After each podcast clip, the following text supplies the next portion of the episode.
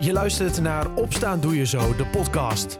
De Zo34-podcast die je elke dag bijpraat over de actualiteit in Zuiders-Drenthe. In een klein kwartier ben jij weer helemaal op de hoogte. Het is maandag 13 september 2021. Dit is Opstaan Doe Je Zo, de podcast, aflevering 31. De week begint met rustig weer. Vandaag is het bewolkt en droog met later in de middag kans op nog een klein beetje zon. Het wordt 20 graden in Zuidoost-Drenthe. Zometeen hoor je in deze podcast het verhaal van Tamara. Zij is olifantenverzorgster bij Wildlands in Emmen, maar had vandaag haar laatste werkdag. Ze vertelt over het werk als verzorgster en de bijzondere baan die ze binnenkort gaat beginnen. Eerst blik ik met René Wittedorp terug op het afgelopen weekend. René is namelijk fractievoorzitter van het CDA in Emmen en zaterdag was het grote CDA-congres. Een spannend moment voor de partij die toch al een aardige tijd in het slop zit. Op het congres in Den Bosch werd teruggekeken op het afgelopen jaar. Een bewogen en rommelig jaar. René vond het dan ook een spannende dag. Ik vroeg hem met wat voor gevoel hij naar Den Bosch toe ging. Nou, uh, een paar maanden geleden toen het congres werd uitgeschreven, toen dacht ik van nou, moet dat nou zo'n congres? Mm -hmm. Want je gaat natuurlijk alleen maar uh, meer uh, naar boven halen. Maar hoe dichter het congres bijkwam, toen dacht ik van, zoals vorige week, dacht ik, het is toch te goed om dit te doen. En dat, ja, dat heb ik ook wel gezien op het congres. Yeah. In het begin zat er toch nog wel wat spanning op. Uh, maar goed, er werd heel goed uh, teruggekeken op het afgelopen jaar. Wat er dan allemaal fout is gegaan uh, met de lijsttrekkersverkiezing.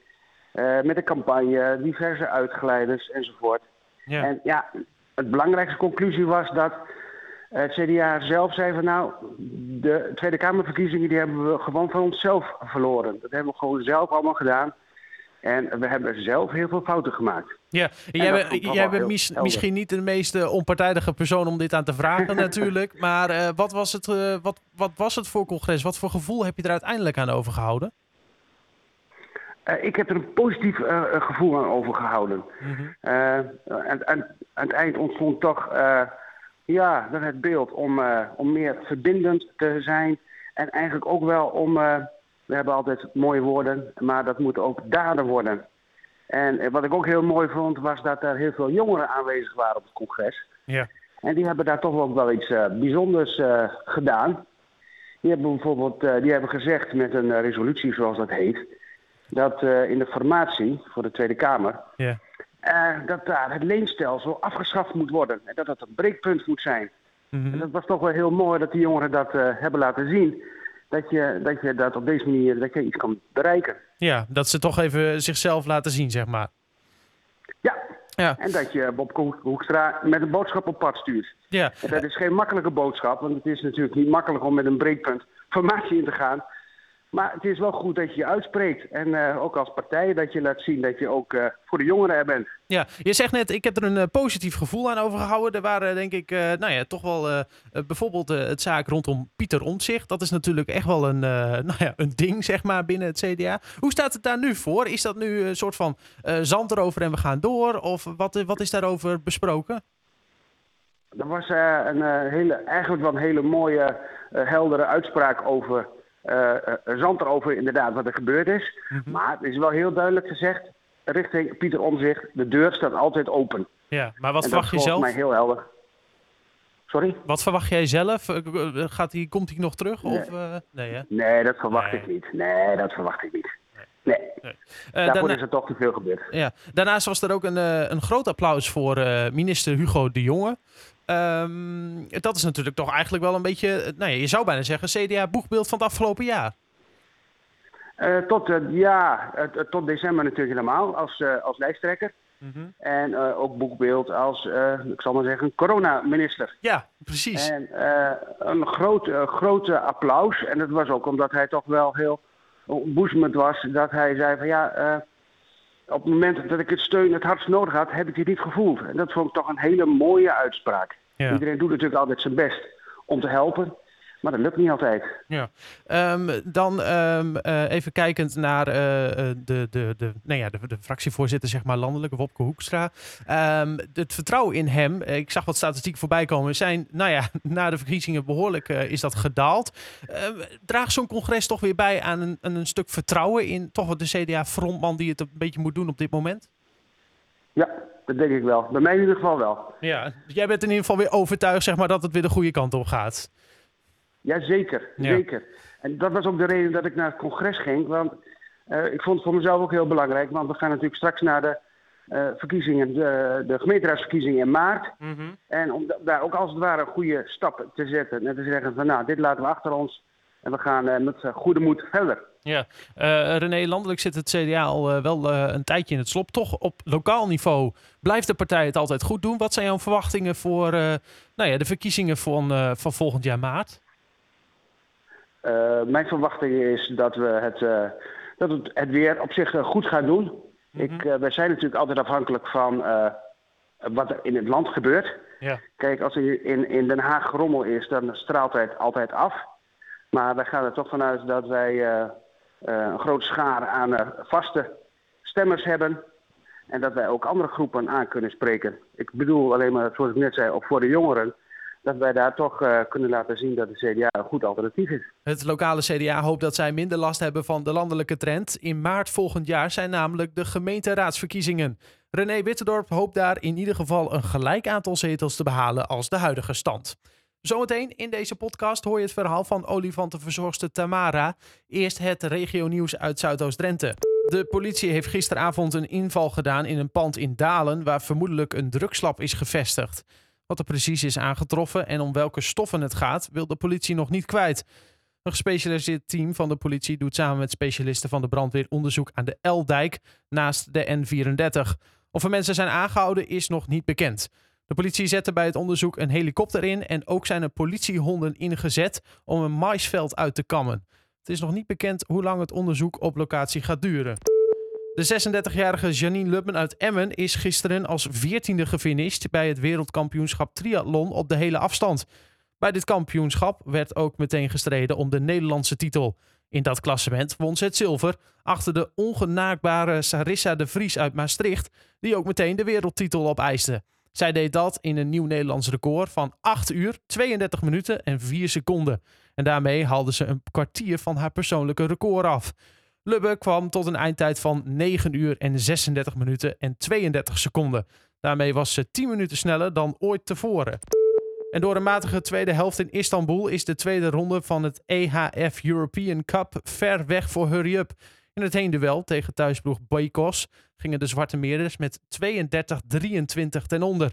Voor rust wist Hurry Up de Turkse opponent bij te benen. Bij de rust was de stand nog 15-14. In de tweede helft zag Hurry Up de tegenstander weglopen. Coach Joop Vieger stelt dat zijn ploeg door het ijs zakte. In de return moet Hurry Up een achterstand van 9 doelpunten goed maken om zich te plaatsen voor de tweede ronde van de European Cup. Die wedstrijd is zaterdagavond om 8 uur. Voor meer nieuws uit de regio kun je altijd kijken op zo34.nl of in de gratis Zo34-app. Tamara van der Valk heeft al een 20-jarige carrière als olifantenverzorgster, waarvan de laatste vier jaar in het Emmer Wildlands.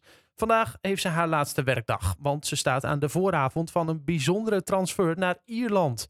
Ze legt het allemaal uit in dit gesprek, waar ik haar eerst vroeg hoe je eigenlijk olifantenverzorgster wordt. Ja, daar is geen opleiding voor. En eigenlijk doordat je, doordat je uh, ja, gewoon de, de MBO of de HBO dierverzorging uh, doet. En dan door middel van stage, uh, weekendhulp, allemaal dat soort uh, trajecten ga je dan eigenlijk in. En dan ja, ga je eigenlijk door middel van, van, van dat traject merk je een beetje ja, wat, wat je ambities zijn, waar je richting uh, je voorkeur uitgaat. En ja, dat was bij mij eigenlijk al op een relatieve jonge leeftijd bekend met olifanten. Ja, want ben je dan ook al sinds jongs af aan olifantenfanaat? Had je vroeger posters thuis of zo? Of? Nou, dat nog niet eens niet. Nee, ik, echt toen ik heel klein was, riep ik altijd van, nou, ik, uh, ik wil uh, dierenarts worden. Maar uh, leren is niet mijn, mijn, mijn sterkste punt. In ieder geval uit de boeken, laat ik het zo zeggen. Ja. En ehm, ik ben echt een praktijkmens. En ja, en naarmate je wat ouder wordt, ja, ga je gewoon merken waar je ambities liggen en, en wat, wat je wil. En ja, en dan uh, door wat hulp hier en daar. Maar ja, uiteindelijk moet je jezelf wel bewijzen. Ja. Uh, ben ik nu al uh, twintig jaar olifantenverzorger. Zo, dat is ook een lange periode. Ja. En, ik, ik kan me dan voorstellen, die dieren die gaan nooit vervelen.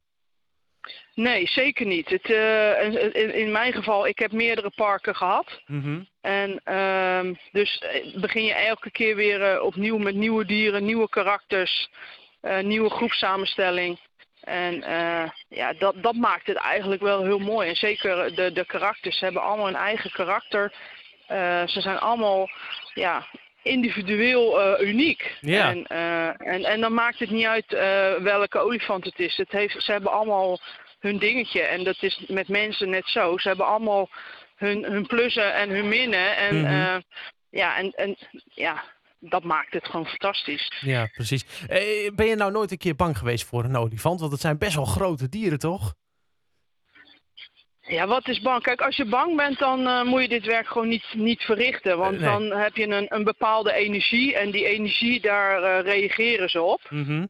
en, uh, maar je moet gewoon zeker zijn van je zaak. En natuurlijk zijn er dus momenten, dan ben je wat onzeker. Ja. Nou, en dat zie je gewoon terug in hun, hun reacties. Ja, precies. Ja. Dus zij voelen dat wel echt aan, zeg maar. Ja, ja, Ja. zeker. Het zijn hele gevoelige, emotionele dieren. Ah, ja. Dus wat dat betreft eh, klopt het wel eh, met mijn eh, eigen persoon. En misschien is het ook dat ik het daarom zo fantastisch vind. Ja. Dat ik relatief gelijk lig aan dat niveau met, met, met de olifanten. Ja, precies. Dus, nu ga je iets nou, ja, toch wel bijzonders doen. Want je gaat namelijk naar, naar Ierland, naar Dublin. Daar zit ook een, een dierentuin. Wat ga je daar precies doen? Nou ja, ik ga eigenlijk wat dat betreft niet zoveel anders doen dan, eh, dan wat ik hier doe. Ik word daar gewoon eh, olifantenverzorger. Mhm. Alleen eh, het hele bijzondere aan, dit, eh, de- aan deze stap is zeg maar dat ik, eh, ja, wat is het, 15 jaar geleden, toen werkte ik in de Diergaarde Blijdorp Rotterdam. Ja. En toen hebben wij drie olifanten verhuisd naar Dublin. Mhm. En ik ben dan een van de eh, verzorgers geweest die dan ook eh, daadwerkelijk tijdens eh, het transport mee is geweest. En ook daar twee weken geweest is na de aankomst. En ik ga eigenlijk weer met die dieren werken die ik dus 15 jaar geleden daarheen heb gebracht. Ja, dat is toch En wel bijzonder dat, dat- ze er dat- nog steeds ja. zitten ook. Ja, tuurlijk. Ja. En dat maakt het, dat, dat maakt het juist zo bijzonder. En eigenlijk nog een tikkeltje erbij is, ehm, ja, twee van die drie die ik heb weggebracht, ehm, die gaan weer eh, do- op doorreis eh, naar Amerika over anderhalf jaar. En die gaan we dan nu weer eh, voorbereiden op dat transport. Ja. Dus dat maakt het natuurlijk wel heel, heel ja, dubbel bijzonder, zeg maar. Ja, en dat vind ik wel echt een verhaal. Want hoe, hoe ga je olifanten trainen om op transport te gaan naar Amerika? Dat gaat neem ik aan per boot, hè? Nee, dat gaat niet per boot. Gaat Dit per- gaat per, eh, per, ja, per vliegtuig. Echt? Ja, want eh, ja, als je per boot eh, zou doen, dan ben je, ja, hoe- wat, hoe lang duurt een overtocht van Ja. Europa naar Amerika? Lang. ja, nou dan ben je gewoon misschien een paar maanden onderweg. Ja. En eh, het punt is, die dieren die staan in een, eh, ja, met zo'n verhuizing in een kleinere ruimte. In speciaal eh, omgebouwde zeecontainers staan ze dan. Mhm. Dus dat, dat geeft al natuurlijk een, een, een vorm van, van spanning, van stress. En als je ze dan ook nog, zeg maar, laten we zeggen, twee, drie maanden in die ruimte op moet sluiten, waar ze geen kant op kunnen. Nee, dat, dat kan gewoon niet. En eh, kijk, zo'n vliegtuig, ja, dat is even pittig met, met stijgen en landen. Eh, maar daarentegen eh, is, is het natuurlijk veel, veel korter. Oh, joh, Naar Amerika bijzonder. vliegen, dat, dat is 10, 10, 12 uur vliegen. Ja. En eh, ja, dat maakt het. En dan moet je natuurlijk nog een stukje met, met de vrachtwagen naar de dierentuin. Maar dat maakt het wel eh, allemaal wat, eh, wat korter natuurlijk. Zo hé, ja, dat is wel. eh, ja, je gaat er eigenlijk van uit dat het met een boot gaat, omdat ja, dat, dat lijkt het meest logisch. Maar ja, natuurlijk, vliegtuigen, waarom ook niet eigenlijk, hè? Ja. Nou ja, kijk, als je ziet wat, hoe groot die cargo eh, eh, vliegtuigen zijn, Ja. dan denk je, er is ook echt wel ruimte voor eh, vier olifanten. Kijk, het zijn geen vier volwassen dieren. Mhm. Het zijn twee volwassen dieren en ze hebben allebei, dat zijn moeder en dochter dan. En die hebben allebei eh, een zoon van drie of vier jaar. Dus die zoons die zijn nog niet zo heel erg eh, groot. Dus die zullen ook waarschijnlijk in een iets kleinere eh, kist of container komen te staan dan hun moeders. Ja, precies. Dus het past wel Ja. allemaal bij elkaar in één vliegtuig, zeg Ja. maar. Het is niet dat ze in meerdere hoeven. n- nee, nee, nee, nee. Het is ook zo, want ik ben toevallig vorige week in Ierland geweest. om een contract te tekenen en nog even naar de afdeling wat mensen te ontmoeten. En ehm, ja, dan zijn we nu zijn ze al bezig met de voorbereidingen op, eh, op dat transport. En dan bedoel ik eigenlijk met het ontwerpen van de kisten. eh, je wil eigenlijk dat moeder en zoon elkaar contact kunnen blijven houden gedurende dat transport. elkaar kunnen zien. Dus daar wordt nu al over nagedacht van ja, hoe gaan we die kisten ontwerpen. En hè, het mag ook niet te zwaar zijn. Dus daar wordt ook alweer rekening mee gehouden. Dus ehm, Ja. dus, dus, dus de voorbereidingen zijn eigenlijk nu al begonnen. Een mooie uitdaging lijkt me zo. En, en, Het is en, een prachtige uitdaging. en hoe ja. is de dierentuin daar? Even in het kort. Is dat een beetje een mooie dierentuin? Ja, het is, het is kijk, eh, Wildlands is natuurlijk wel eh, heel bijzonder. Het is gloednieuw en eh, heel erg gethematiseerd. Mhm. En dat is in Dublin niet het geval. Dublin is al best wel een, nou ja, het bestaat al best wel heel lang. Ja. En ze hebben wel de afgelopen twintig jaar zijn ze wel heel erg veranderd in de, in, de, in de positieve zin. Eh, met name ook eh, de verblijven en dierwelzijn, eh, dat soort dingen. Dus wat dat betreft is Dublin ook wel heel erg bezig met verbetering en ver- verandering. En ehm, ja, hè, er werd mij ook wel eens gevraagd van, goh, hè, waar kan je het mee vergelijken? Maar je kan eigenlijk geen enkele dierentuin met elkaar vergelijken. Want ze hebben anders. allemaal wel, ja, elke dierentuin is weer anders, heeft een andere collectie. Eh, en dat soort dingen. Dus, Mhm. ehm, maar het is, ja, het is een park dat heeft twee hele grote vijvers. En die liggen eh, zeg maar boven elkaar. En ehm, ja, de, de noordelijke vijver, eh, daar, dat noemen ze dan de African Plains. Dus dat zijn allemaal Afrikaanse dieren die daar rondom en op die vijver gehuisvest zijn. En in, in het zuidelijke deel ja, ga je toch ook wel, wel iets meer naar de, de ja, meer, er zitten wel wat meer Aziatische dieren, maar niet alleen Aziatische dieren. Er zitten ook nog wat andere diersoorten. Maar, ja, precies. dus daar is het een beetje in opgesplitst. Ja, ja.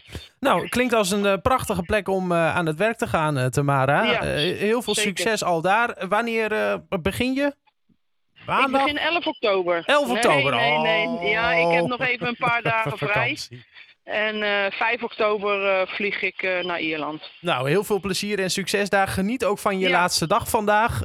Ja, Ga neem, zeker doen. neem afscheid van de, nou ja, ook de olifanten natuurlijk. En ik neem aan dat dat Ja. wel een beetje een uitdaging gaat worden.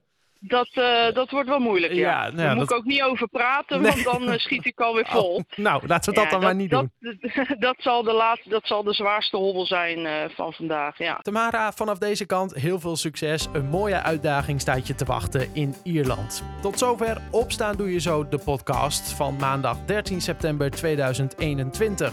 Wil je nou meer podcasts? Kijk dan even op zo34.nl slash podcast of zoek op Zo34 in je favoriete podcastplatform.